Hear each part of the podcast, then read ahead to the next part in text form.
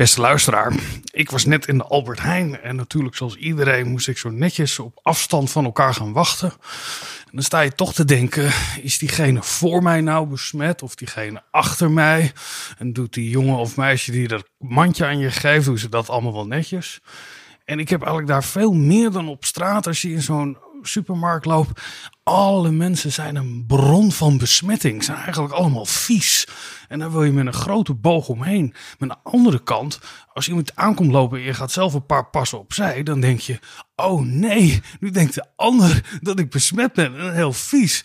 Dus ik ga juist niet opzij om niet de indruk te wekken dat ik eigenlijk vies ben. Ik weet niet of we hier nog uit gaan komen gedurende deze pandemie, maar ik denk het niet. Deze podcast wordt mede mogelijk gemaakt door Code Clear. Duidelijk over websites en design. Vanuit Amsterdam is dit Onder Media Doctoren, de podcast waarin communicatiewetenschappers zich verwonderen over de media.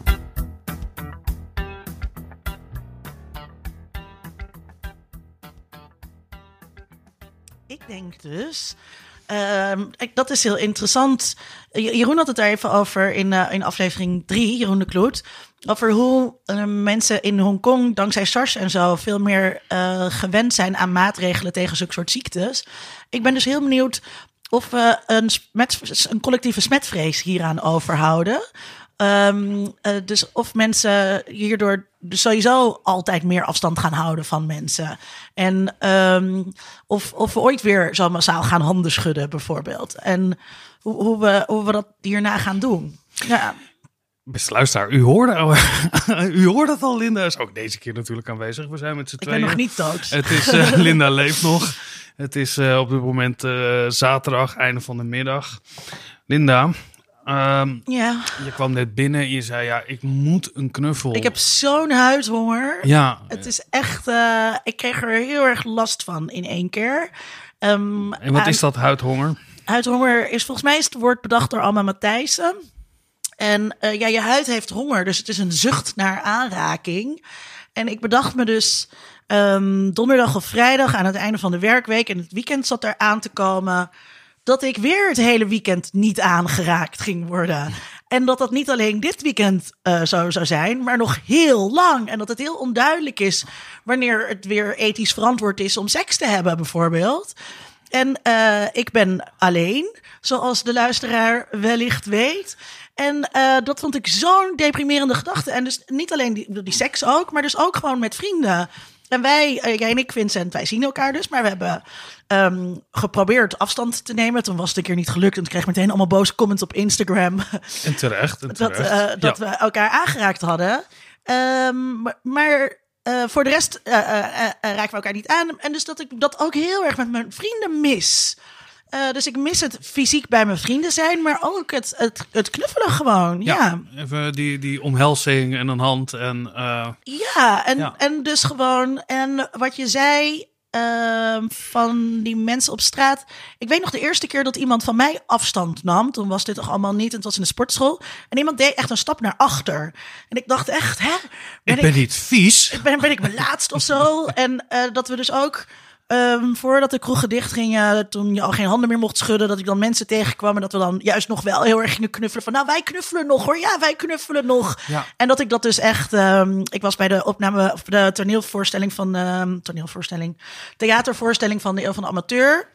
Eh, en eh, eh, dat was de woensdag hè, voordat het echt ellendig werd. Oh, da- daar, wij verwachten toch geen honderd mensen, dus kom maar. Nee, toen, toen oh. was het 100 mensen verbod was er nog niet. Dat kwam op donderdag, die uitvaardiging van 100 mensen. Toen hebben ze donderdagavond nog eentje gemaakt.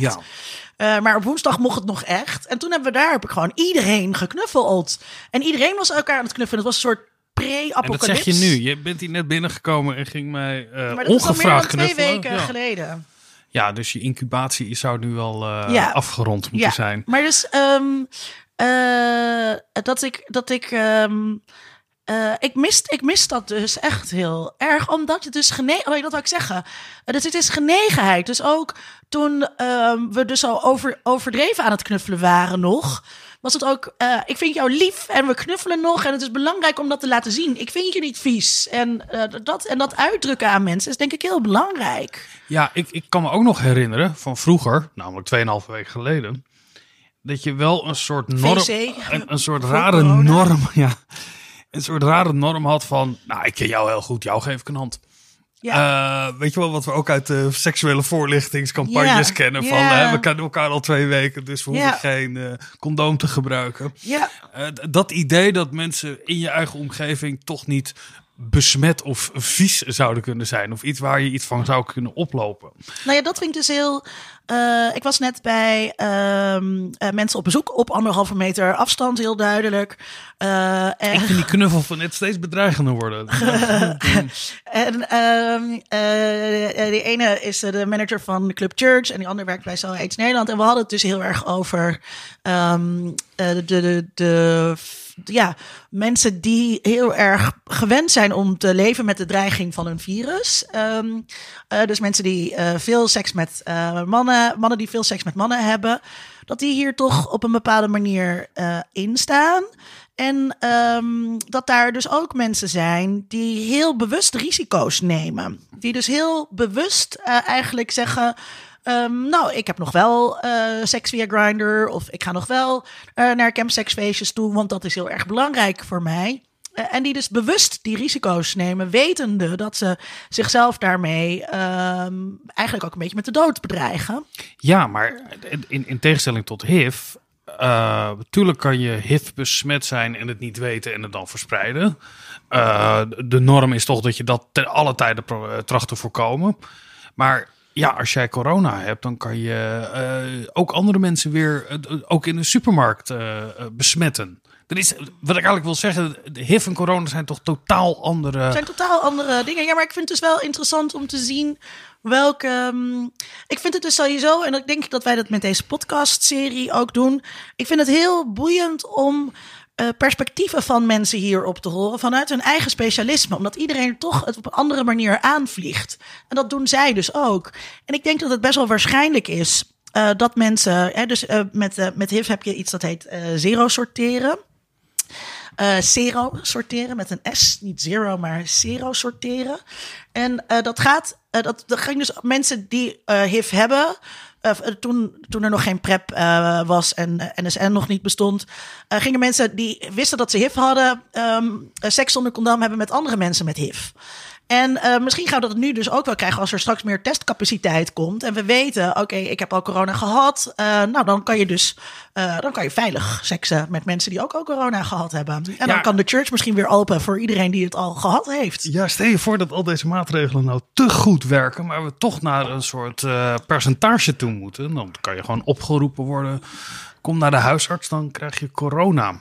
En dan gaan we dat goed begeleiden. Ja, daar heb jij, ik heb daar Ik een heb soort daar rare fantasieën ik over. heb daar fantasieën over. Dat Want je, je, dan, zegt nu naar de huisarts, maar net zei je dat mensen dan iets moeten aflikken. Ja, dat er een, ergens een hokje staat waar een stukje precies andersom zoals nu bij de supermarkt. Hè? Dus niet dat ze het schoonmaken, je mandje, maar dat je eerst aan je mandje moet likken.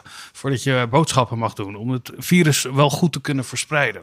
En er zijn ook ochtenduurtjes dan, waarin dan jonge, gezonde mensen moeten komen om aan het mandje te likken. Eh luisteraar, heb je daar ook fantasieën over? Deel ze met ons. Ehm, Linda, ook eh, deze keer. We hebben, we hebben heel veel gasten gehad, maar we hebben toch wel een paar favorieten. Ja, Dat moeten we toch eerlijk, dat is wel waar. mo- moeten we toch eerlijk bekennen. Ja, en, een dit is toch wel de ultieme. En dit is wel de ultieme die we ook al te gast hadden bij onze honderdste aflevering. Eh, professor Dr. Irene Stenks. Eh, en we Hoogleraar. ehm, hebben ritueel. Eh, nee, eh, hoogleraar eh, rituele herdenkingscultuur en populaire cultuur. Volgens mij zeg ik het zo goed aan de Vrije Universiteit. En ook eh, betrokken bij het Meertens. En ook verbonden aan het Meertens Ja. Instituut. En eh, ook aan Irene hebben we gevraagd: waar zou jij nou onderzoek naar willen doen? Als je op dat nu zou mogen doen met een onmetelijk budget aan geld. En ze praat een beetje als de koningin. Ritueel in tijden van corona. Nooit eerder hoorden we zoveel over rituelen in relatie tot slechts één ander fenomeen. Corona dus. Het applaus voor de zorgverleners op dinsdagavond 17 maart. Het simultaan luiden van de kerkklokken ter ondersteuning van degenen die alleen thuis zitten. En als dankbetuiging aan hen die nu zo hard moeten werken op woensdag 18 maart. een dag die tevens tot dag van het nationaal gebed werd uitgeroepen. Het simultaan uitzenden van You'll Never Walk Alone op vrijdagochtend 20 maart op 130 radiostations in 30 Europese landen, bedoeld om iedereen een hart onder de riem te steken. In België werd die dag opgeroepen om om 12 uur witte lakens uit het raam te hangen als dankbetuigingen aan de zorg. En dan waren er ook nog de scheid aan coronafeestjes. Tot slot het wereldwijd gelijktijdig onze vader bidden op initiatief van de paus. Maar de relatie corona en ritueel gaat veel verder dan dat er weer eens wordt aangetoond dat mensen behoefte hebben aan rituelen, met name in tijden van crisis en hoe inventief mensen hierin zijn. Kortom, dat voortdurend rituelen worden bedacht en heruitgevonden. Toch laat de verstomming van de coronarituelen afgelopen week ook zien dat het niet zo eenvoudig is om steeds weer een collectief ritueel te bedenken. Of althans, ze worden wel bedacht. Een beller op de radio stelde voor om nu meteen alvast te beginnen met het planten van een herdenkingsbos. Maar hoe krijg je ze van de grond? Corona biedt een prisma op hoezeer het maatschappelijk leven voortdurend en op allerlei niveaus vervlochten is met ritueel. Een dimensie die onder normale omstandigheden grotendeels uit het zicht blijft. De eerste berichten over de uitbraak van het coronavirus in China zijn onlosmakelijk verbonden met het niet vieren van het Chinese nieuwjaar. In Nederland is het begin van de epidemie daarentegen op diverse manieren verbonden met het wel vieren van carnaval. Het lijkt alweer lang geleden dat de carnavalsoptochten eerst wegens de stormen Dennis en oh, hoe spreek je dat ook alweer uit? Chiara, Chiara, Kera werden uitgesteld. Het als alternatief georganiseerde verbroederingsfeest in Prinsenbeek bij Breda blijkt achteraf een brandhaard van coronabesmetting te zijn geweest. Ook patiënt 0 was een carnavalsvierder uit Brabant, net terug van de Italiaanse après-ski parties. Het effect van corona op de rituele kalender is inmiddels gigantisch. Als dominostenen vallen de rituelen één voor één om. Geen paasvuren, Koningsdag afgelast, 5 mei bevrijdingsfeesten ook, geen collectieve suikerfeestvieringen, geen eindexamenfeestjes. Het was niet alleen uniek dat de minister-president en de koning zich met een toespraak tot het volk richten. Minstens zo bijzonder was dat beide expliciet het niet echt kunnen vieren van de verjaardag benoemden. Dit laat zien hoezeer de verjaardag, het kinderfeestje bij uitstek, het hart vormt van de alledaagse Nederlandse feestcultuur. De eenzame verjaardag als pas pro toto van de consequenties van sociale onthouding en quarantaine. Aan de andere kant van het spectrum van de levensloopvieringen staat dan weer de eenzame uitvaart. Die hakt er overal in, maar markeert op dit moment toch vooral het verdriet in Spanje en Italië. Rituelen werken vooral zo goed door wat Dr. Anders P. de ervan afgewetenheid heeft genoemd. Mensen weten wat het is en wanneer het is, hoe het gaat en dat het komen gaat. Nu gaapt er opeens een rituele leegte. Als onderzoeker naar ritueel kijk ik met name uit naar welke alternatieve rituelen Koningsdag gaat genereren. 4 mei lijkt mij het moment waarop herinneringen aan de laatste grote crisis kunnen samensmelten met de beleving van de huidige in een krachtig gevoel van nationale verbondenheid. Oh, Irene, Irene. Ik vind Irene zo uh, leuk. En um, ik vond het uh, heel uh, confronterend eigenlijk wat zij, uh, wat zij zegt. Omdat ik mezelf nooit zo zie als een, een volger van rituelen.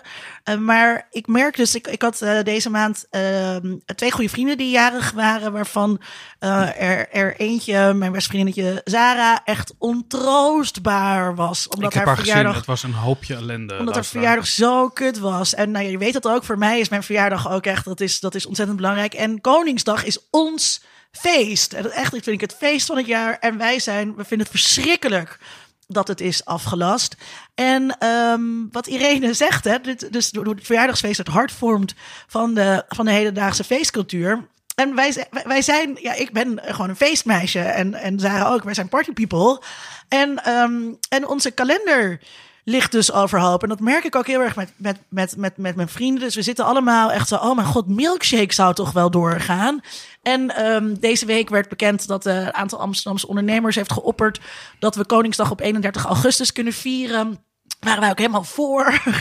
en um, uh, ja, het, uh, en ik, dus hierdoor realiseerde ik me dat ik toch echt een katholiek meisje ben. En dat het ritueel dus heel diep verankerd zit in mij. En dat, dat overhoop gooien van die rituele kalender, wat zij zegt, dat dat, dat mij uh, raakt. En dat het dus, um, dat geeft mensen houvast. En dan zie je dus dat, dat ze met al die andere rituelen komen. Hè? En, ik, en daar kijk ik een beetje, toch ook een beetje argwanend Zet even het geluid uit. Ehm, kijk een beetje argwanend naar eh, dat, eh, dat, dat, dat You'll Never Walk Alone. Dat vond ik echt kots.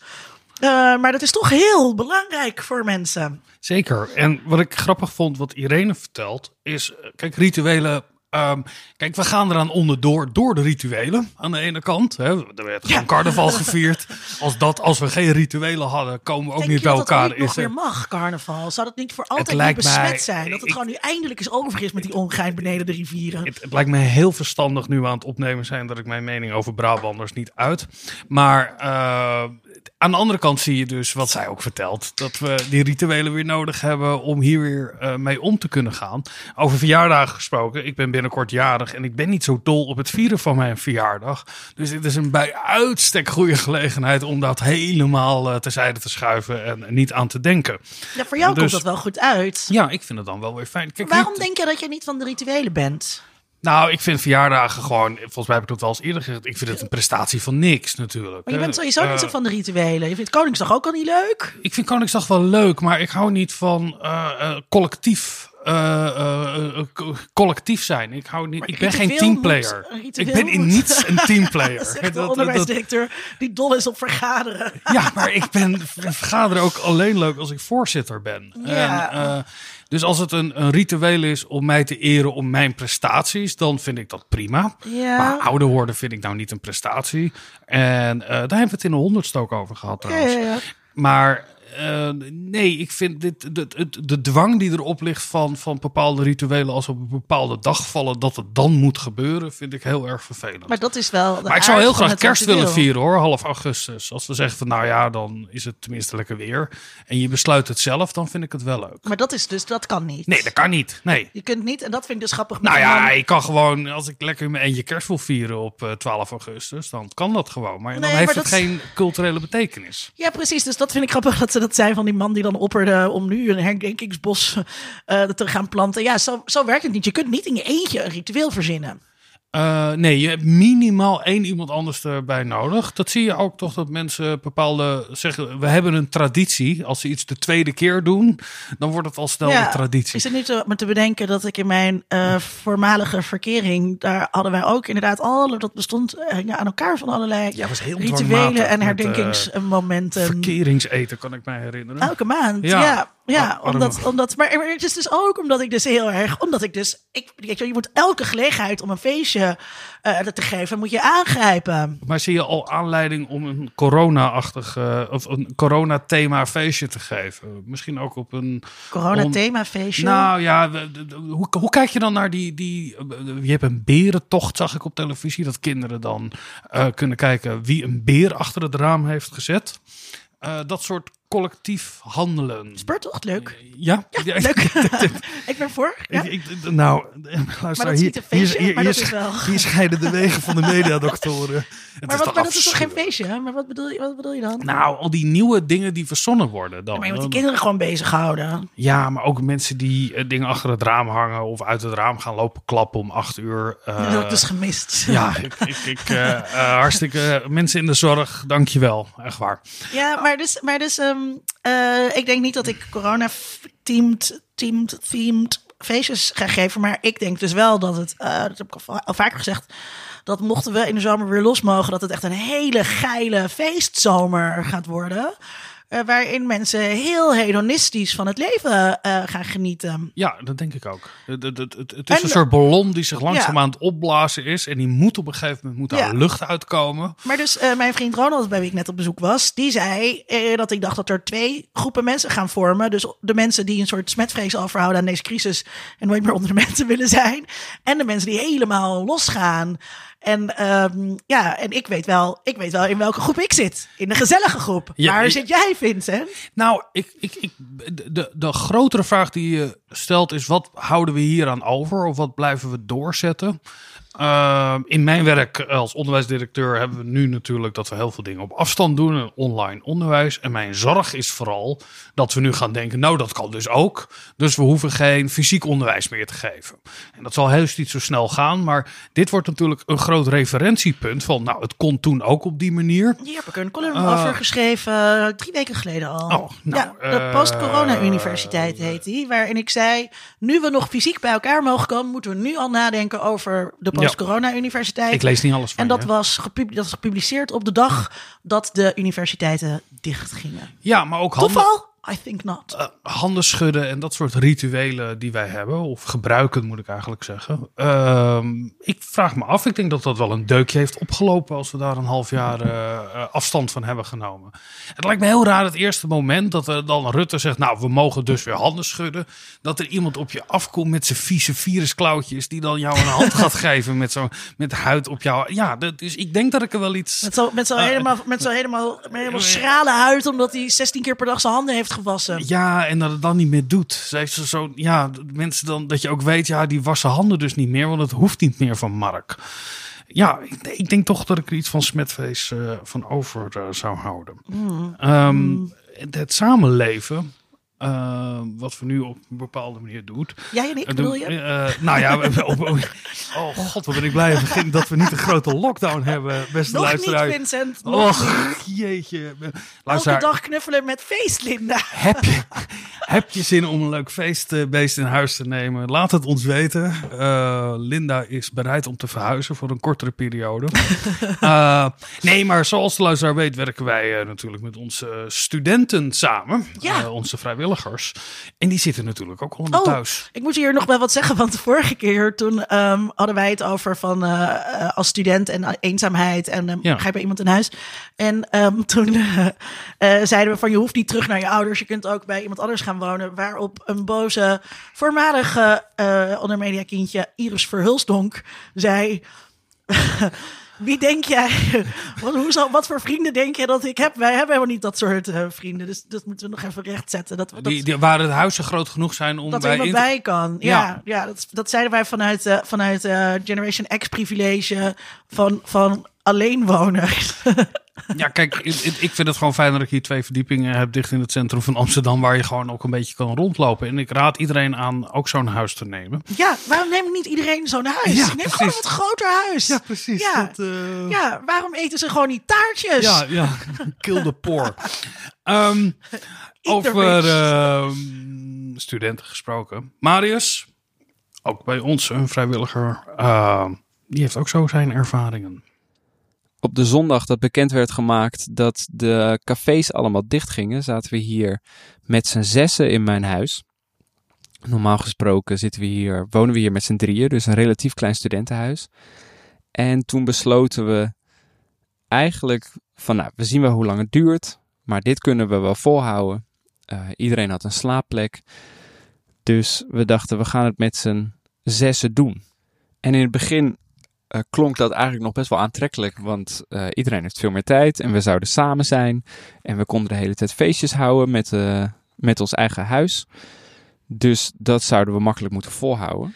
Zeker als we het zo gezellig hebben de hele tijd. Maar uiteindelijk bleek het natuurlijk wel wat langer te duren en veel heviger te zijn dan we in eerste instantie hadden gedacht. En kun je niet de hele tijd in de party mode. Twee mensen zijn toen naar huis gegaan, maar uiteindelijk zijn we dus wel nu al twee weken met z'n vieren hier in één studentenhuis. Dat is wel echt een, een enorme verandering, want iedereen is altijd druk. En zo vaak zien we elkaar nou ook weer niet. Nou, wat verandert er nou in die hele periode? Ten eerste eten we dus elke avond samen. Dit klinkt heel knullig nu, als ik het ook zo vertel, maar die behoefte hebben we heel erg. Dus overdag doet iedereen zijn eigen ding, maar om 7 uur s'avonds heeft één iemand gekookt. Je kookt één keer in de vier dagen. Op de een of andere manier is er ook een soort wedstrijdje ontstaan, dus er worden de meest waanzinnige dingen gekookt. En dat is niet overdreven. En dan daarna zijn we eigenlijk de hele tijd, uh, de hele avond samen. We hebben ook bijna elke avond samen een film gekeken. In het begin waren dat vooral Disney-films. We hadden echt niet, uh, niet zin in uh, hele serieuze nood. Dus we hebben Incredibles gekeken, Frozen. Um, ja, echt alles om maar gewoon dingen te kijken die niet al te serieus zijn. Inmiddels zijn we wel van de Disney films af, maar nog steeds zitten we in de humor. Want het zijn allemaal Taika Waititi films waar we nu in zitten. Dus uh, de echte serieuze films, die willen we niet zien. Maar we willen wel heel graag uh, dus samen steeds zijn s'avonds. Dat bleek ook het meest afgelopen maandag, toen de maatregelen tot 1 juni bekend werden gemaakt. En iedereen had wel bij ons verwacht dat het allemaal wat langer zou duren. Maar toch, toen 1 juni echt werd genoemd, hakte dat er uh, echt wel in bij iedereen. En we hadden die avond toevallig eigenlijk gepland om even apart wat dingen te doen. Maar toen ontstond dus heel erg de behoefte om even totaal te verdwijnen. En uh, we hebben een, inmiddels een ruimte die eigenlijk, uh, wat eigenlijk een rommelhok was. Waar we inmiddels ook een bureautje in hadden gezet. Hebben we omgedoopt tot kroeg. Juist omdat een van ons aangaf dat hij nu de kroeg heel erg begon te missen. Dus we hebben allemaal Frans-Duits liedjes opgezet om er een echte Amsterdamse kroeg van te maken. En daarnaast zijn we ook allemaal dingen aan het maken, creatief gezien. Dus we hebben een kattenpaleis van dozen gemaakt voor ons uh, kleine kat Rachmaninov. En inmiddels hebben we ook een liedje namens hem gemaakt. Omdat voor hem is het nu ook allemaal niet makkelijk natuurlijk. Hij was net gecastreerd, mocht eindelijk naar buiten. Maar hij durft nog niet echt. Dus we hebben ook een liedje voor hem geschreven. mens wordt nooit de kat. Had ik nou maar iemand om mee te miauwen. Lekker rennen om elkaar heen. En zo proberen we onze tijd hier samen door te komen en proberen we elkaar op te beuren als we ons niet zo goed voelen. We proberen elkaar ook, uh, iedereen wil wel productief blijven, dus daar proberen we elkaar ook in te steunen. En met name in de avonden zijn we eigenlijk uh, heel veel samen. Dankjewel, Marius. Um, voor de goede orde luisteraar, de referentie aan Frans-Duits die Marius maakt, uh, is geen familie van Linda. Really? Really? You're going there? De, ja, je, je, je, vermoedt het wel natuurlijk. Echt? Gewoon qua stijl en genre. Maar um, ja, dit sluit ook wel mooi aan. Waar, een goede man speelt zijn achternaam anders. Ja, maar je ziet daar toch verbasteringen in natuurlijk. Oh, dat de tak, de tak uit Zeist zich ik, een... Ik, uh, ik blok dus wel eens mensen op Twitter die die grap maken. Ja? Ja, nou, gewoon mij, zo ben ik. Zo, zo, ben ik dan ook weer. Maar ja. wat heb je eigenlijk tegen Frans-Duits? Ik heb helemaal niets tegen Wat is dat voor rare, rare nee. arrogantie? Omdat, nee, uh... maar dus de grap werd al gemaakt voordat Frans-Duits bekend werd. Omdat het uh, grappig is als iemand Duits heet, ken je ook Frans. Oh, ja, nee, dat is heel saai. Ja, maar uh, Marius... Oh, dat, nee, dat is saai. Nee, dan, dan wordt het is... saai. Ja, nee, dan is het ja. Wat een ja. leuk liedje van Marius. Had ik maar iemand om mee te miauwen. Dat is wel gewoon een beetje hoe ik mij dus voel. En dan, en dan aai ik Lola, de logeerpoes. Maar Lola aait mij nooit. Het, het, het, het, het wordt een hele sentimentele aflevering op deze manier. Nee, dat, um, nee, nee. Is er nog iets waar je mee opgebeurd kan worden? Um, Um, nou, ik vond het. Uh, ik, nou, zo'n verhaal beurt me wel op. Ik vind het leuk om te horen.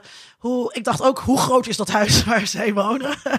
Als je een ja, kroeg kan bouwen. Iris, in, in, Iris. Ja, ja, Als je een kroeg kan bouwen. Ja, we hebben de kamer over. En in één keer konden er zes mensen in dat huis wonen. Terwijl er normaal maar drie woonden. Dat, um, uh, dus ik vind het heel leuk hoe ze creatief bezig zijn. En. Um, uh, en, en er het beste van maken. En dat had ik ook wel. Dus ik was ook wel.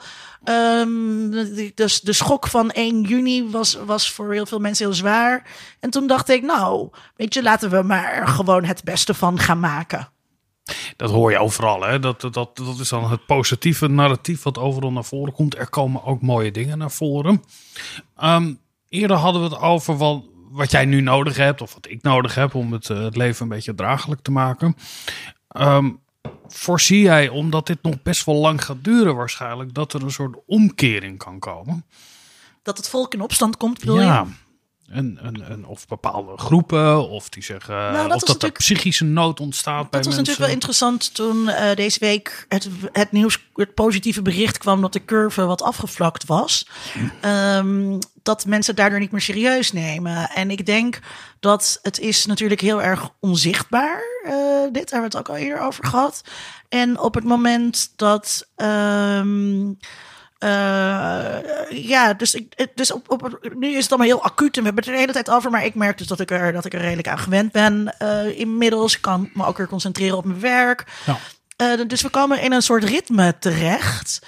We maken nieuwe routines. ehm, en, eh, en dat betekent ook dat het dus heel goed mogelijk is dat we dus een beetje gaan slippen. Eh, in de zin dat we dus toch weer dingen gaan doen die eigenlijk niet zouden mogen. Zoals Vincent knuffelen. Nou, ik, ik merkte inderdaad de laatste twee dagen dat ik ochtends wakker werd en niet eh, de shock had van, oh mijn god, er is een pandemie gaande. Dat, het- dat het nog in mijn actieve geheugen of mijn bewustzijn zat. En dat er niet weer dat moment was van, oh mijn god, wat, wat, wat, wat gebeurt hier eigenlijk? Wat ook wel gepaard gaat met een soort excitement. Dat hoor ik ook meer. eh, hè, in het begin is het toch ook wel spannend en nieuws en grappig. Maar ja, we gaan nu een periode in van langdurig in dezelfde situatie blijven. En het gewoon maar af uitzitten natuurlijk. Ik kan En er komt, er komt eh, zoveel slecht nieuws binnen. En we kunnen maar zoveel ehm, slecht nieuws aan. Ik vind bijvoorbeeld wat er in Amerika gebeurt ongelooflijk. Het is gewoon het einde van Amerika, deze, ehm, eh, dit, dit, dit virus. Dat, dat denk ik echt. het einde, nou, Nou, het einde van Amerika's supermarkt.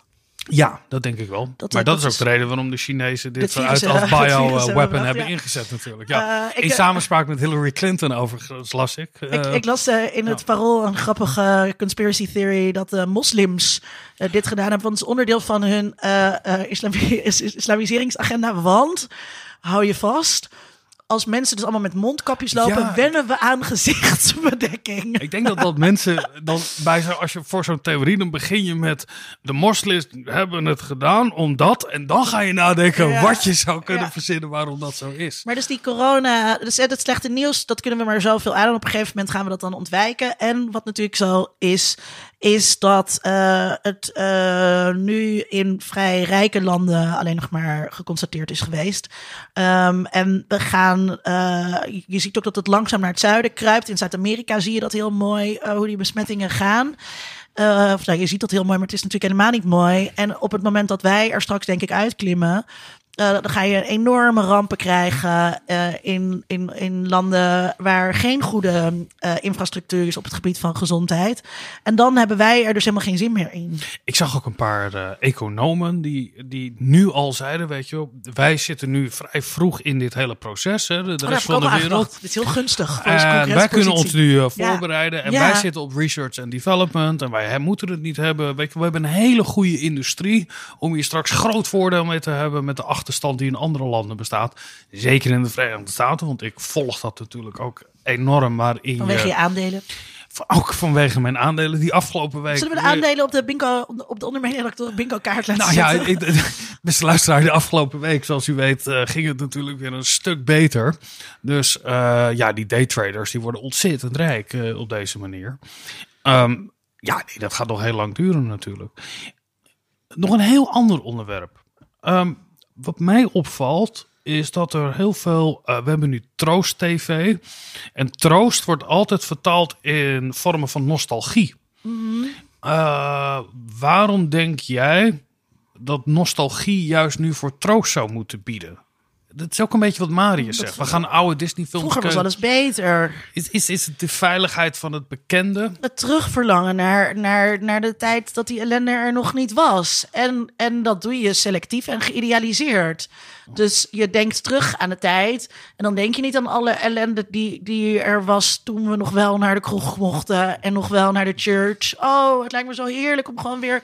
Ik kan gewoon nu niet voorstellen dat ik dus ooit weer tussen allemaal half naakte zwetende mannen sta te dansen. Dat lijkt nu gewoon alsof dat nooit meer gaat mogen.